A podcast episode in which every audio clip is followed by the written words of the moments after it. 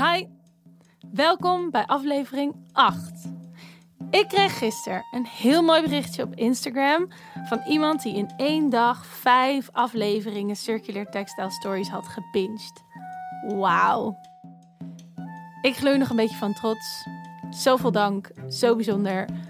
Want ja, dit is toch een podcast met een vrij hoge informatiedichtheid. Ik ben me daar heel erg van bewust en ik had gewoon niet verwacht dat ook dit een verhaal is om te bingen. En daar ben ik echt best wel trots op. Goed, vandaag gaan we luisteren naar Bert van Son, eigenaar en oprichter van Mud Jeans. Bert is bezig een 100% circulaire broek te ontwikkelen. En ik wilde natuurlijk graag weten hoe hij dat precies doet en wat corona voor het bedrijf heeft betekend. Dus verwacht een aflevering met veel informatie over hoe recycling werkt, waar je dan precies tegenaan loopt, voiceovers over vezellengtes en katoen en hoe Bert denkt dat we het geld dat we nu in onze luchtvaart steken beter hadden kunnen investeren. Enjoy!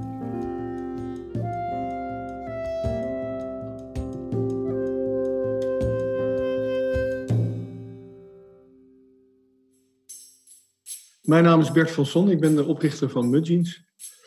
En ik zit zelf al meer dan 35 jaar in de kledingindustrie. En vond het nodig uh, in 2012 om uh, te kijken of we verandering zouden kunnen aanbrengen in deze meest vervuilende industrie. De op één na vervuilende industrie. En waarom vond je dat toen nodig? Waarom had je ineens zo'n gevoel van ik moet dit nu doen?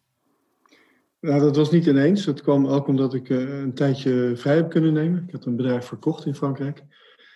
En dat heeft me ook wat jaren vrijgegeven. Dus ik kon daar rustig over nadenken en lang, lang nadenken over wat ik de afgelopen 30 jaar zeg maar gedaan had. En uh, tijdens die rit ook in, in die industrie kom je erachter dat, dat er een heleboel misstanden zijn en het steeds slechter gaat en steeds vervuilender en steeds groter wordt. En op een gegeven moment kom je aan een punt dat je denkt van ja, hier moet, hier moet iets mee gebeuren. En dan heb ik natuurlijk het voordeel dat ik ervaring heb. Ik heb alles zien gebeuren, ik heb veel gereisd. Ik heb ook de landen gezien waar kleding gemaakt wordt. Op nette manieren, maar ook op minder goede manieren. Nou als je alles bij elkaar neemt, dan, dan is er heel erg veel wat je zou kunnen doen om het beter te doen. Het beste is dan, denk ik maar, meteen ook met het, met het meest vervuilende artikel te beginnen, de jeans. En het meest grote artikel, uh, iedereen heeft jeans. Dus uh, ik had zoiets van, als je daar het verschil kan maken en mee kan beginnen, dan uh, is het misschien mogelijk om impact te maken. Je, jullie doen dit nu al, je zei je bent in 2012 begonnen. Um, dus jullie doen dat al een hele tijd. En jullie waren de eerste in Nederland met een lease concept voor de denim. Dat zijn we nog steeds in de wereld. De eerste in de wereld ook nog steeds. Er is nog niemand, nergens ter wereld, iemand die jullie heeft gevolgd. Nee, niet op de manier zoals wij het doen. Wij zijn nog steeds het, het eerste en enige circulaire jeansmerk ter wereld. En daar wilde ik het natuurlijk heel graag over hebben vandaag. over die circulariteit. Want ik ben heel benieuwd, eigenlijk gewoon de meest basic vraag. Hoe jullie dat doen. Dit is veel simpeler dan je denkt. Dan moet je eigenlijk bij het begin beginnen. Dus we, we, we gaan natuurlijk beginnen met eerst proberen om, om jeans zo goed mogelijk te maken en zo netjes mogelijk. En, en door mensen die ook netjes behandeld worden. dat klinkt heel makkelijk, maar dat, dat, is natuurlijk, dat zijn een heleboel stappen. Maar dat kan. Je kan uh, biologische katoen gebruiken, je kan gerecyclede katoen gebruiken. En natuurlijk kan je ook controleren wat er in, in je keten gebeurt. Maar wij proberen het heel simpel te maken. We merken, werken met één fabrikant in Spanje die onze stoffen recycelt. Dus die, die ontvangt onze oude jeans. En, en met één fabrikant in Tunesië die alles onder één dak heeft. Dus ook de washings. Uh, waar onze jeans gemaakt wordt. En dat klinkt heel ver weg, maar dat is een heel klein cirkeltje, de kledingindustrie. Hoe doe je dat dan? Kijk, als je dat allemaal goed doet, dat is eigenlijk al niet zo bijzonder meer, vind ik. Wat belangrijker is dat je als producent ook verantwoordelijk voelt voor het product wat je in de markt zet. En daarmee ook je verantwoordelijkheid behoudt tot het moment dat, die, of dat product uitgedragen is of op is. En wat gebeurt er dan mee? Er wordt terwijl wij praten per seconde één truck vol met uh, kleding gestort ergens in de wereld. Dat is echt een afschuwelijk probleem hebben we met, met afval van kleding. En dat kan je verbranden en weet ik wat al mee doen, maar dat is natuurlijk niet verstandig. Het blijkt gewoon dat katoen gerecycled kan worden. En als je de stroom netjes monostroom houdt, dus de stroom van polyester of wol of katoen in dit geval, dan is het gewoon te recyclen. Dan moet je je voorstellen, vergelijkbaar met, met de papierindustrie waar we 70 jaar geleden met z'n allen bedacht hebben, als we nou oud papier inzamelen, dan kunnen we daar weer nieuw papier van maken. En dan hoef je geen bomen meer om te kappen. Nou, zelfs in die katoen ook zo. Het is iets ingewikkelder, want je moet er toch weer garens van zien te spinnen. Maar goed, dat kan.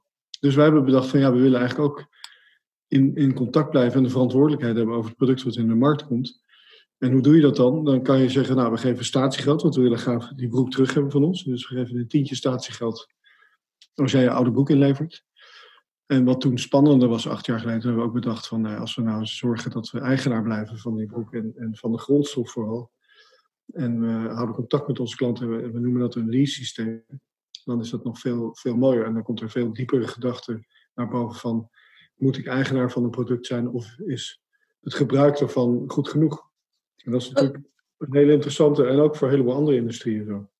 Want hoe zie jij eigenaarschap dan van producten nu, nu jullie dat leaseconcept hebben gelanceerd? Nou ja, het, leaseconcept is natuurlijk nog steeds een beetje een zwakke uh, aftrekking van wat het zou moeten zijn. Maar ik zie het zo dat wij verantwoordelijk blijven. Onze verantwoordelijkheid ligt bij ons en dat wij contact willen hebben met onze klanten. Ook uh, producten moeten repareren tijdens het gebruik. En ook een product zo moeten ontwikkelen en maken. Dus alles begint bij, bij de ontwikkeling van het product. Dat als je het terugkrijgt, het ook weer eenvoudig te recyclen is. Dus dat betekent dat je een monostroom van materiaal moet zien te creëren. Dus geen extra stoffen proberen toe te voegen, zoals leer. Leren labels doen wij niet, we printen dat. De knopen die we gebruiken, die zijn van maar één materiaal, dus stainless steel. En vroeger zat er nog een plastic stukje. Nou, zo kan je eindeloos doorgaan om te kijken hoe je het beter kan doen en makkelijker kan maken om, om te recyclen. Ja, en dat is dus design voor recycling, bedoel je? Ja, en dat is natuurlijk een enorme stap voorwaarts. En nogmaals, niet alleen voor jeans of voor onze industrie, maar voor alle industrieën zou het zo moeten zijn. Ja, zeker. En je zei net van katoen uh, kun je recyclen. Nu is het uh, bij mijn weten wel zo dat er polyester aan toegevoegd moet worden. Dus, uh, en ook een broek, zeg maar, als we een 100% katoenen broek maken, dan is dat een hele harde, rechte broek, zeg maar. Een hele stugge broek. dus ja, hoe... Dan, dan ben je verkeerd geïnformeerd. Je hoeft bij recyclen geen polyester toe te voegen. Dat moet je ook vooral niet doen, want dan creëer je een lineair model. Dus wij hebben een broek die is gemaakt van 100% katoen, 40% post-consumer waste, dus gerecyclede katoen. En dan heb ik het niet over het snijafval uit de fabriek, want dat, dat wordt al heel lang gebruikt en dat is ook prima. Maar dat is niet zo'n uitdaging. Het is veel moeilijker om echt oude spijkerbroeken te gebruiken en daar weer nieuwe van eh, te maken. Ja. En 60% eh, nieuwe biologisch katoen. Dus, dus we kunnen tot op nu uh, tot 40% post-consumer waste gaan. En dat is een hele mooie zachte broek hoor, met een goede washing. Uh, ik zeg, en... probeer hem uit, want die is echt prima. Bedankt Bert. Maar we hebben het niet helemaal over hetzelfde. Of misschien wel. Het is maar net hoe je het bekijkt. Want in mijn vraag over polyester en stugge broeken ga ik ervan uit dat we het over een broek hebben van 100% post-consumer waste. Dat is dus 100% gebruikte kleding ingezameld via sorteerbedrijven. Als je dat op dit moment via de huidige technieken wil recyclen, kun je daar polyester aan toevoegen. Of virgin, dus nieuwe, katoen bijmengen, zoals dat heet. Zo maak je de vezel sterker.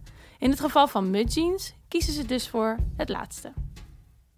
En er zit ook geen, geen nylon in, geen nada. Nee. Elastaan. We hebben, wel, we hebben een ander model. Daar zit 23% post-consumer waste in, 2% elastaan en 75% biologisch katoen. Dus dat is een tweede stof die we gebruiken om wat meer comfort te hebben. En Ja. met 2% elastaan heb je toch wel die, eh, die rek en die- dat comfort. En dat kunnen we nog recyclen. Dat is zeg maar het maximale wat we nog kunnen gebruiken om te kunnen recyclen. We zeggen ook altijd de broeken die we terugnemen aan klanten mag ook van andere merken zijn als er maar 95% eh, katoen in zit. Anders dan kunnen wij daar niks mee. Nee. Dus dat is wel een voorwaarde. En ehm, jullie zijn bezig met een volledig circulaire broek, dus die helemaal uit post-consumer waste bestaat. Kun je uitleggen waarom dat zo'n uitdaging is? Nou, er zijn op dit moment twee manieren van eh, het recyclen van katoen. De eerste is het eh, mechanisch recyclen, dus wat wij nu doen. Hè, dat gebeurt in Spanje, in Valencia. Dus dan moet je je voorstellen dat die broek de shredder in gaat. Eh, eerst gaan de metalen delen eraf en daarna gaat die in de shredder. En dan tot er steeds kleinere stukjes komen en dat met een trommel en pins. Nou, dat is een heel ingewikkeld proces. Komen er toch weer een soort vezeltjes uit. Dus dat noemen we vervezelen. En dan moet je eh, biologisch katoen bijmengen. Nou, dat gebeurt in grote blow rooms, noemen het hele grote kamers, waar, waar acht uur lang dat stofje gemengd wordt met biologisch katoen. En wat daaruit komt is een lont waar je weer garen van kan spinnen. Nou, en dan, dan moet je natuurlijk aan alle kwaliteitsnormen voldoen. De treksterkte, uh, fast rubbing, wet rubbing. Dat moet allemaal natuurlijk, we kunnen geen inferieure kwaliteit leveren. Dus dat, dat voldoet aan de hoogste standaarden. Maar er zit natuurlijk een maximum aan met dat wat kortere vezeltje van het uh, proces, van het mechanisch gerecyclede proces. Dat maximum waar Bert het over heeft, zit zo. Een bolletje katoen bestaat uit vezels. De lengte van die vezel is belangrijk voor de sterkte van het garen dat je ervan kunt spinnen. We maken van die nieuwe bolletjes makkelijk 100% katoenen producten. Zodra we dat recyclen, gaat het in die mechanische variant, zoals Bert net uitlegt, door die grote shredder heen. In die shredder wordt de stof en daarmee de katoenvezel uit elkaar getrokken. Daardoor wordt de lengte van de vezel korter en dat heeft invloed op de sterkte van het garen. Hoe vaker je dus mechanisch recycelt, hoe slechter de kwaliteit van de vezel wordt. Daarom mengen ze bij Mud Jeans nu nog virgin katoen bij in de mix met post-consumer waste. Om te zorgen dat die broek wel aan de juiste kwaliteitseisen voldoet. Dus um, de tweede techniek die wij willen gaan gebruiken, dat is chemisch recyclen. Dat klinkt een beetje eng, maar dat is met een zoutoplossing de katoen zeg maar, weer terugbrengen tot pulp. Uh, hetzelfde als in de bamboe uh, gebeurt bijvoorbeeld. En daar kan je dan weer een soort filamenten van trekken waar, waarmee een lange viscoseachtige draad mee kan maken. Die natuurlijk heel sterk is. En, uh, maar goed, dat ziet er niet heel erg stoer uit als een, als een denimbroek, zeg maar, of een denimstofje. Maar als je die twee uh, technieken mixt met elkaar, en dat zijn wat onderzoeken nu, en dat lukt al, dan kan je er gewoon daar weer een, uh, een draad van maken. En, en dan, heb je, dan heb je 100% oude spijkerbroeken gemaakt in je nieuwe spijkerbroek. Nou, dat is al gelukt op laboratoriumniveau. We doen natuurlijk niet alleen, maar we hebben natuurlijk met een kennisinstelling werken we samen, Saxion Universiteit en met de Circular Economy. En, en uh, het is een project wat groter is dan natuurlijk alleen maar Mutties. Maar wij zijn wel de voortrekker hierin en proberen het nu op te schalen. Dus we hebben, we hebben eigenlijk moeten geld investeren om nu ja, daar, daar eind volgend jaar echt een collectie mee te kunnen maken. En, uh, en ook betaalbaar. Want het is natuurlijk nu, uh, het eerste vierkante metertje was natuurlijk heel erg duur om te maken. Ja, dat is wel super interessant. Ja, dat vinden wij ook. En uh, ik wilde nog heel even terug naar dat lease-concept. Want je zei, uh, het is eigenlijk nog niet uh, helemaal uitgerold op een schaal zoals jullie dat misschien voor jullie zien. Ja, dat lease-systeem is nu zeg maar een afbetaling van 12 maanden. En dan ben je klaar, dan mag je hem houden als je wil. Je mag hem ook terugsturen en dan krijg je korting op de volgende. Maar het zou natuurlijk veel leuker zijn als het echt een product as a service zou worden. Waarbij je nog veel meer, dat zijn we over het nadenken, maar nog veel meer vrijheden hebt als, als consument. We zijn ook aan het nadenken over mensen die uh, overgewicht hebben, last daarvan. En, en zeggen ik ga nu afvallen. En dan moet ik mijn hele garderobe bijvoorbeeld veranderen. Het zou heel leuk zijn als we daar in mee zou kunnen denken en daar um, een oplossing zou voor verzinnen. Maar onze uitdaging is dat je heel veel logistieke kosten hebt. Hè. Als ik een broek terugneem, als je een broek leest bij ons, dan krijg je altijd een nieuwe broek. En de broeken die terugkomen na een jaar of langer, die, uh, als die nog goed zijn, dan gaan die in onze vintage collectie. Dat is natuurlijk de beste manier van recyclen. En als ze echt ja, zeg maar, uit Amsterdam doorgefietst zijn bij het kruisen, dan kan je niet zoveel meer mee. Die kan je ook niet repareren. Dus dan, gaan ze naar, uh, dan gaan ze, worden ze verzameld en dan gaan ze één keer per maand naar, naar Valencia. Ik, ik vond het heel gaaf toen jullie dat lanceerden, omdat kleding is altijd over bezit gegaan. Zeg maar, uh, ik weet nog dat ik tien jaar geleden in Utrecht kwam wonen en dat wij een wasmachine gingen leasen. En dat vond ik toen dat vond ik toen volkomen logisch, omdat het zo'n ja. zo'n zo'n ding is waar je niet uh, aan hecht. Zeg maar. Dat is gewoon dat ding en dat heeft een functie. En als hij stuk is, vind ik het heel fijn als iemand hem ophaalt en een nieuwe neerzet. Ja. Maar ik vond het heel gaaf. Is dat heel anders? Ja, omdat het zo. Uh, het zit natuurlijk op je huid, maar het, het is. Uh, het, je hebt ook heel andere relatie mee. Klopt. Ja, dat is ook de uitdaging. Hè? Een spijkerbroek gaat naar je lichaam zitten en daar heb je een verbindenis mee.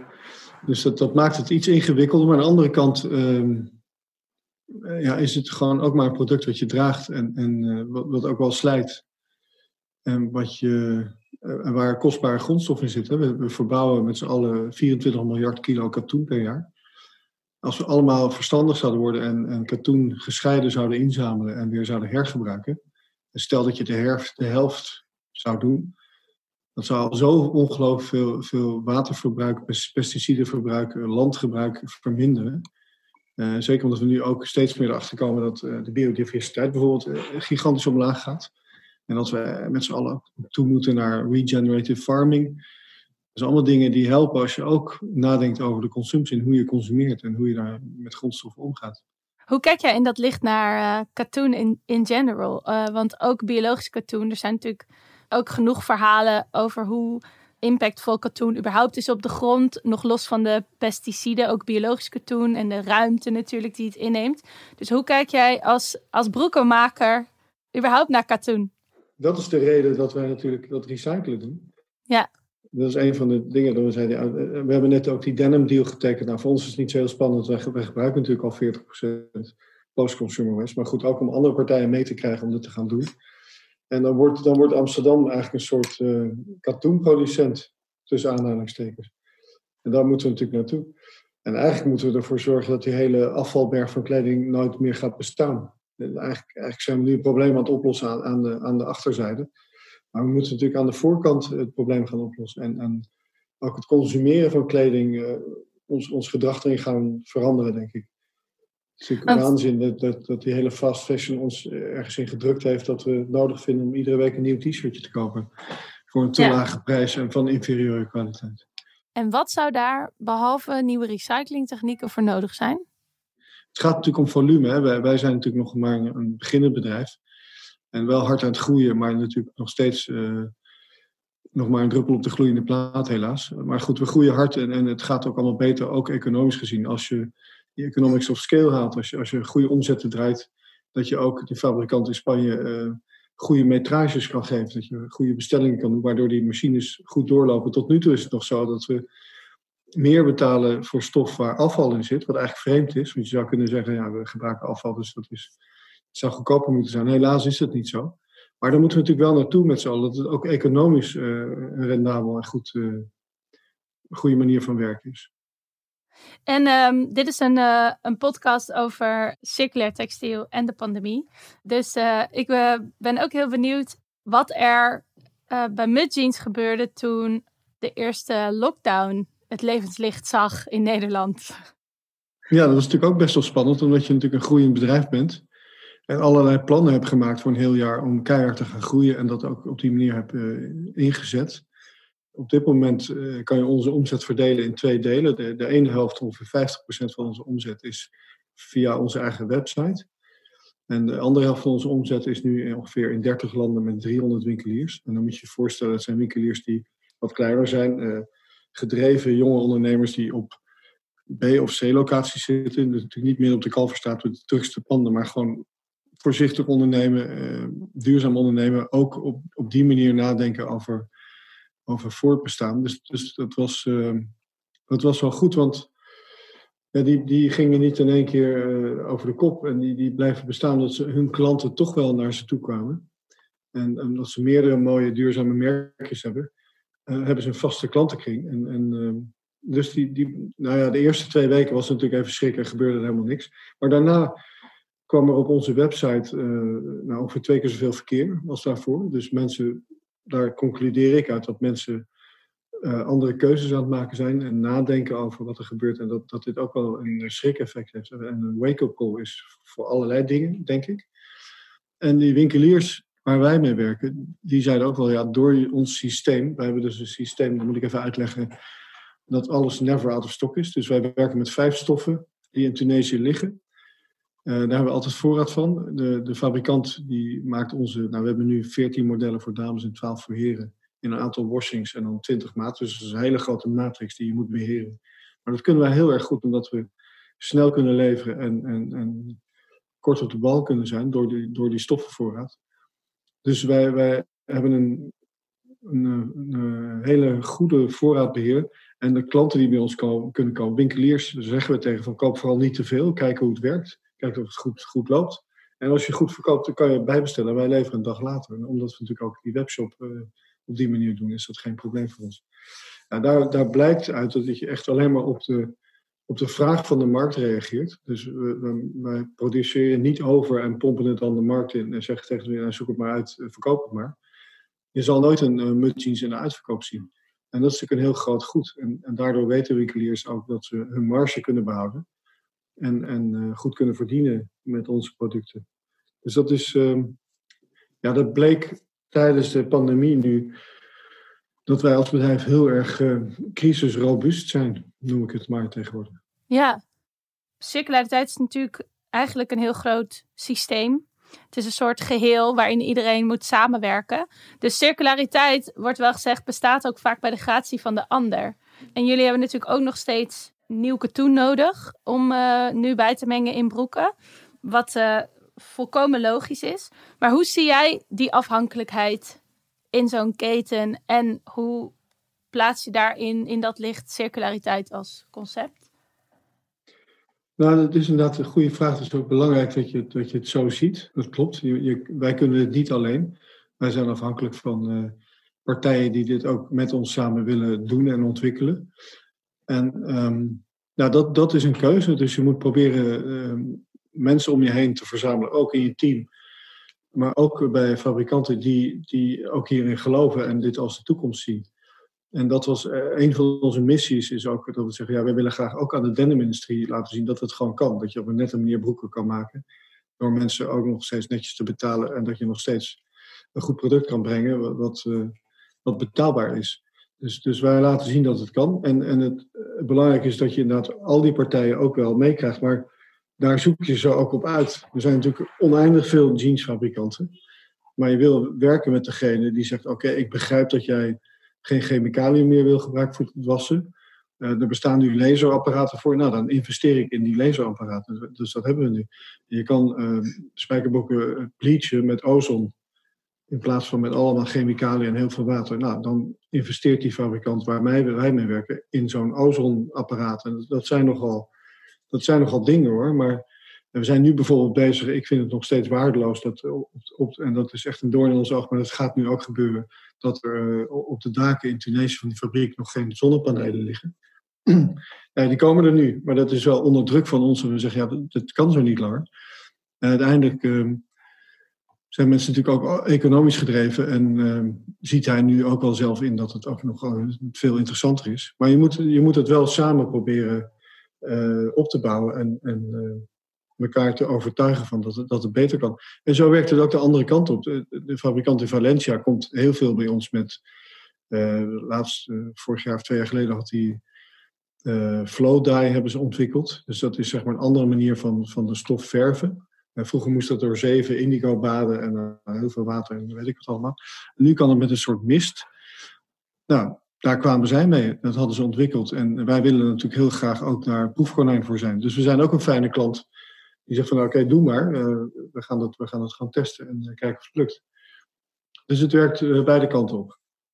En hoe zou um, voor jou de circulaire keten er dan in de ideale wereld uitzien?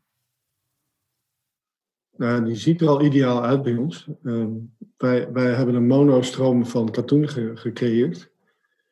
En daar werken we mee en, en dat zijn we groot aan het maken. Het enige wat wij nu nog nodig hebben is meer naamsbekendheid meer mensen die onze boeken in een winkeltje gaan nemen. Meer mensen die onze boeken gaan dragen. En zodat we grotere volumes kunnen draaien, waarmee we dan weer met die winst eh, kunnen investeren in nieuwe projecten, zoals, zoals die 100% uh, gerecycled.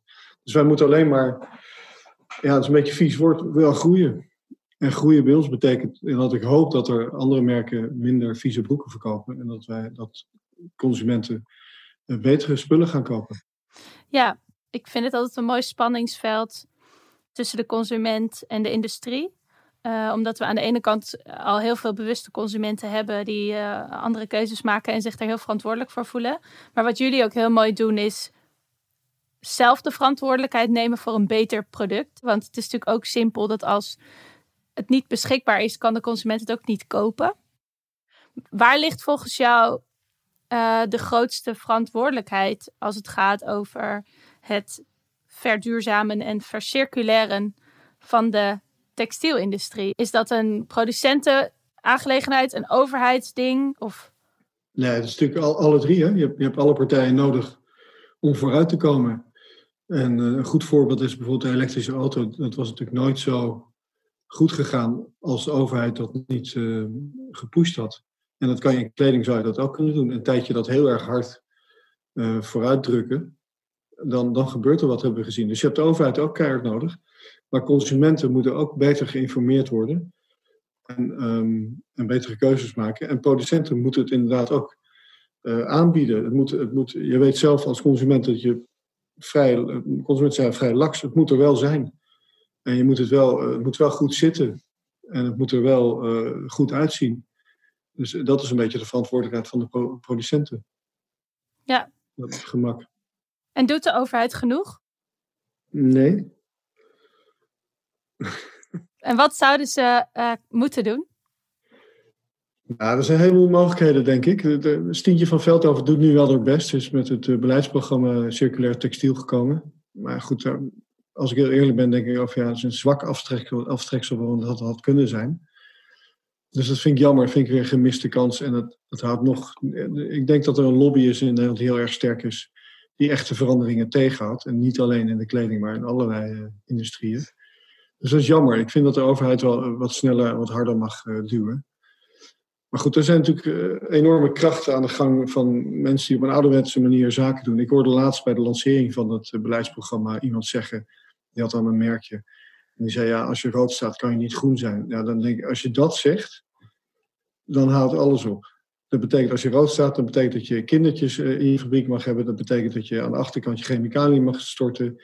Dan, dan is natuurlijk helemaal discussie voorbij. En dat wordt nog steeds geroepen en aan tafel. En niemand reageert er dan op. dacht ik ook van, ik snap wel dat ze mij daar niet meer voor uitnodigen. Want dan, dan, dan krijg je een probleem in de discussie met mij. Maar dus daar, daar zit nog wel een groot probleem, denk ik. Ja, dat is denk ik eh, überhaupt een groot probleem. Want het, het, eh, ik noem dat altijd de vierkante meter bewaken. Dat mensen bang zijn voor, voor hun stukje en voor hun baan en voor hun werk of hun bedrijf en hun inkomsten en hun hypotheek en hun twee auto's en tennisabonnement. Het is natuurlijk, als je IKEA ziet, die, die, die zijn echt aan de weg aan timmeren. Maar dat kan denk ik omdat er een familie achter zit die dan ook wel eens kunnen zeggen: oké, dan maken we dit jaar of volgend jaar even geen winst. En dan doet het even pijn. Maar dat kan je natuurlijk nooit als je beursgenoteerd bent aan aandeelhouders gaan uitleggen, of dat is heel erg moeilijk. Dus je ziet daar een groot verschil ontstaan tussen familiebedrijven en beursgenoteerde bedrijven. Denk ik. En, en als het allerhoogste goed nog steeds is zoveel mogelijk geld verdienen voor aandeelhouders, ja, dan gaat ook niet zoveel gebeuren. En de overheid kan, heeft enorme middelen om te sturen er is zeker uh, een mogelijkheid om, om het BTW. Dus ik vind, ik zeg altijd, als je mijn broek hebt en je hebt, uh, er zit 40% post-consumer waste in, dus 40% eh, oude broeken waar al een keer BTW over betaald is, dan vind ik dat ik jou 40% korting op de BTW moet kunnen geven. Ja. Dat lukt niet hoor. Ja, dat komt er bij de overheid niet in, nee. Nee, nog niet. Zijn al twee keer voorbij economische zaken geweest, acht jaar geleden ook al. Maar dat, nee, dat lukt niet. En wat is daar dan de reactie op? Zeg maar? Want ik bedoel, ze kunnen hier. Ja, wat, wat, wat voor zinnigs heb je erop in te brengen? Anders dan. Ja, dat kost de overheid geld en dat vinden we niet zo relaxed. ja, dan kom je aan de kassa. Nee, je, kan natuurlijk, je kan natuurlijk ook uh, straffen. Je kan ook mensen. Je kan, je kan ook de prijzen verhogen voor dingen die niet in orde zijn. Ja. De kassa kan best wel rinkelen. Ja. Op een andere manier. Ja, anders, uh, er andersom over nadenken, precies. Ja. En denk jij, want je hebt net al heel mooi uitgelegd hoe dat corona voor jullie eigenlijk, dat het eigenlijk heeft laten zien hoe veerkrachtig jullie zijn en hoe flexibel en hoe, uh, zeg maar, future-proof dit model eigenlijk is wat jullie hanteren. Wat zijn volgens jou de kansen van corona voor de toekomst? Nou, ik hoop dat, dat het een, uh, mooie reset kan zijn. Dat, dat we dit, uh, het voordeel hier ook van inzien. Het is gewoon een waarschuwing. En heel veel mensen hoor je ook roepen, wetenschappers nu van ja, COVID is nog maar een, een vlaagje van wat er gaat gebeuren met het klimaat. Ik ben geen wetenschapper, maar ik denk wel dat we allemaal wel zien dat er iets aan de hand is. En, en, dat zou wel eens een gigantisch probleem kunnen zijn. Uh, dus, dus laten we dit, dit aanwenden om, uh, om betere keuzes te gaan maken. Wat je nu hoort over vliegmaatschappijen ondersteunen, dat soort dingen. Je zou kunnen zeggen, nou, gebruik dat geld om een fantastische uh, infrastructuur neer te leggen voor treinen in Europa. Dat je in een uur naar Berlijn kan bijvoorbeeld. Dat zou veel mooier zijn, denk ik. Dus, dus ik zou zeggen, gebruik deze tijd om, om in één keer een goede switch te maken.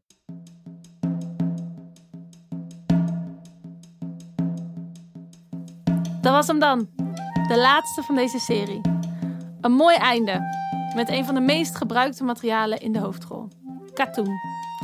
Bert zegt tegen het einde dat we meer katoen gescheiden moeten inzamelen. Nou is dat een beetje lastig, want dat vraagt eigenlijk van de consument dat hij al zijn textiel gescheiden in de zakken doet en aanbiedt bij de textielbak. Maar het betekent zeker dat er meer textiel gesorteerd moet worden. Zeker als we de doelstellingen voor 2050 en een circulaire economie willen halen. De fibersort, die al vaker genoemd is in deze podcast, levert daar een belangrijke bijdrage aan, omdat het textiel automatisch sorteert op kleur en materiaal. En dat automatisch is al een enorme revolutie, want de meeste textielsortering gebeurt met de hand. Het is voor recycling dus onwijs belangrijk dat er zoveel mogelijk textiel wordt ingezameld en dat iedereen zijn oude textiel in de textielbakken doet, ook als het kapot is. Een gat in de stof maakt voor die shredder immers niet uit. Wat deze podcast laat zien is hoeveel gedeelde meningen er zijn in verschillende hoeken van de keten. Hoe corona de hiaten in het systeem blootlegt.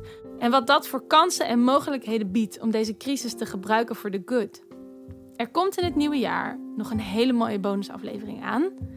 En ik werk achter de schermen al aan een nieuw seizoen, waarin ik dit onderzoek weer een stapje verder breng. Blijf dus vooral geabonneerd op Circular Textile Stories en zeg het voort. Zo kunnen we deze ideeën en informatie verspreiden en delen met een grote groep mensen. Dank aan Bert van Son voor dit interview. Informatie over Mud Jeans vind je in de show notes. Heel veel dank aan jou voor het afleggen van deze reis met mij in je oren. Ik hoop dat je er wat wijzer van bent geworden. Misschien heb je ook meer vragen of juist ideeën. Weet me vooral te vinden. Alle gegevens daarvoor vind je ook in de show notes. Deze podcast werd mogelijk gemaakt door Grondstoffenalliantie Cirkelwaarde. Een samenwerkingsverband van ROVA, AVU en Circulus Berkel die samen onderzoeken hoe het ingezamelde huishoudelijk afval een steeds meer circulaire herbestemming kan krijgen. Edit en sounddesign is van Jeppe van Kesteren. Kijk op zijn website spotonsound.nl voor meer informatie over hem en alle mooie podcasts die hij maakt. Mijn naam is Rosa Scholtens en ik werk elke dag als ondernemer, onderzoeker en strateeg aan textielvraagstukken en oplossingen voor een circulaire toekomst. Hele fijne feestdagen, dank voor het luisteren en tot de volgende.